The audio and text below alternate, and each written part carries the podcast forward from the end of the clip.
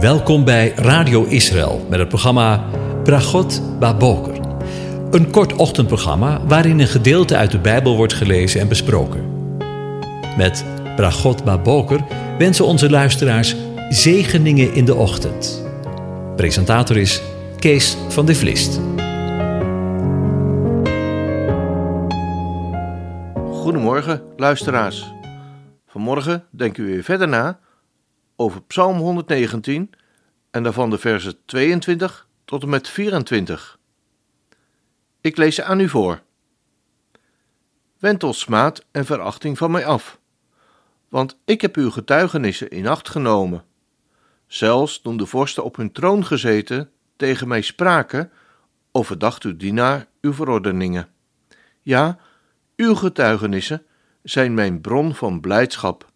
Ze zijn mijn raadgevers. Over de dienaar gesproken. Bij het lezen van deze verse moest ik onwillekeurig denken aan de dienaar met een hoofdletter, de Heer Jezus, Yeshua. Want hoewel hier natuurlijk de schrijver van de psalm aan het woord is, spreken deze woorden ook over de meerdere dienaar. Zullen we de versen nog eens lezen in het licht van de betekenis van de dienaar met een hoofdletter? Wend smaad en verachting van mij af, want ik heb uw getuigenissen in acht genomen. Zelfs toen vorsten op hun troon gezeten tegen mij spraken, overdacht uw dienaar uw verordeningen. Want uw getuigenissen zijn mijn bron van blijdschap, ze zijn mijn raadgevers. Wie is er ooit zo gesmaad en veracht als hij? Lees maar eens mee in Jesaja 53. Hij was veracht, de onwaardigste onder de mensen, een man van smarten, bekend met ziekte, en als iemand voor wie men het gezicht verbergt. Ik kan het niet laten om ook het vervolg van de tekst te lezen. Jezaja roept het uit over in eerste instantie het volk van Israël, dat in navolging van de Heer Jezus ook zo verschrikkelijk veel smaad en verachting moet dragen. Denk maar eens aan de jaren 40, 45. Voorwaar, ziekte heeft hij op zich genomen en onze smarten heeft hij gedragen. We hielden hem echter voor een geplaagde, een door God geslagen en verdrukt. Maar hij is om onze overtredingen verwond, om onze ongerechtigheden verbrijzeld. De straf die ons de vrede aanbrengt was op hem, en door zijn striemen is er voor ons genezing gekomen.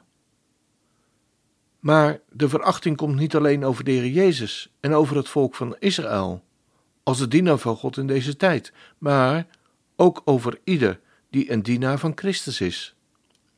We horen Paulus roepen in 1 Korinthe 4. Wij zijn dwaas om Christus wil, maar u bent wijs in Christus. Wij zwak, maar u sterk. U geëerd, maar wij veracht. En in 1 Korinthe 1 vers 28.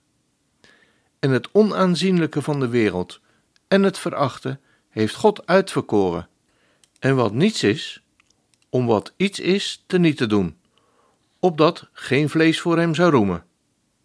Maar uit hem bent u in Christus Jezus, die voor ons is geworden wijsheid van God en gerechtigheid, heiliging en verlossing, opdat het zal zijn zoals geschreven staat: wie roemt, laat hij roemen in de Heere.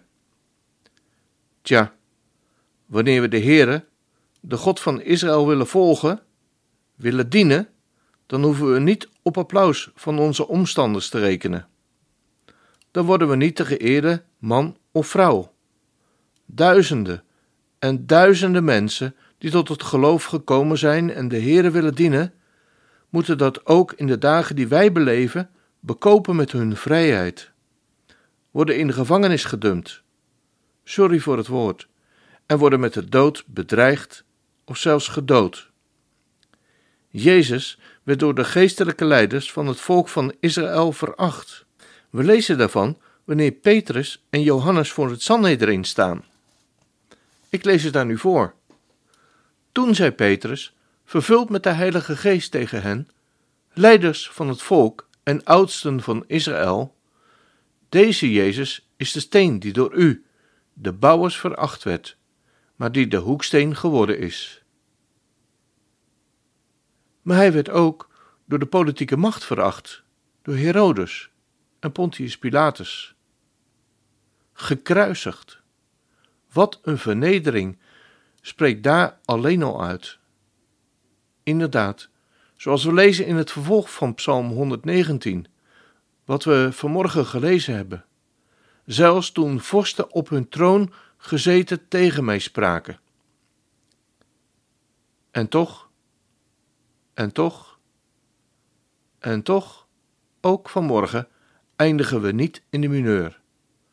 Want daar eindigt het gelezen gedeelte ook niet mee. Luister maar. Ja, uw getuigenissen zijn mijn bron van blijdschap. Ze zijn mijn raadgevers. Ja, wat zullen wij dan over deze dingen zeggen? Als God voor ons is, wie zal tegen ons zijn? Hoe zal Hij, die zelfs zijn eigen zoon niet gespaard, maar voor ons allen overgegeven heeft, ons ook met Hem niet alle dingen schenken? Wie zal beschuldigingen inbrengen tegen de uitverkorenen van God? God is het die rechtvaardigt. Wie is het die verdoemt? Christus is het die gestorven is, ja, wat meer is, die ook opgewekt is, die ook aan de rechterhand van God is, die ook voor ons pleit. Wie zal ons scheiden van de liefde van Christus? Verdrukking, of benauwdheid, of vervolging, of honger, of naaktheid, of gevaar, of zwaard? Zoals geschreven staat: Want omwille van u worden wij de hele dag gedood. Wij worden beschouwd als slachtschapen. Maar in dit alles zijn wij meer dan overwinnaars door Hem die ons heeft liefgehad.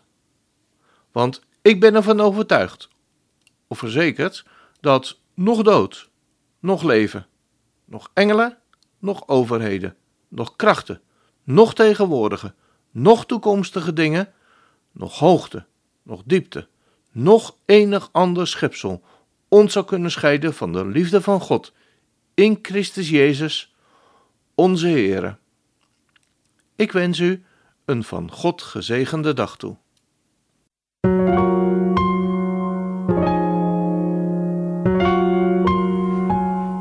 U hebt geluisterd naar het programma Bragot Baboker. Een kort ochtendprogramma waarin een gedeelte uit de Bijbel wordt gelezen en besproken. Wilt u het programma nog eens naluisteren, dan kan dat. Ga naar radioisrael.nl en klik onder het kopje radio op Uitzending gemist.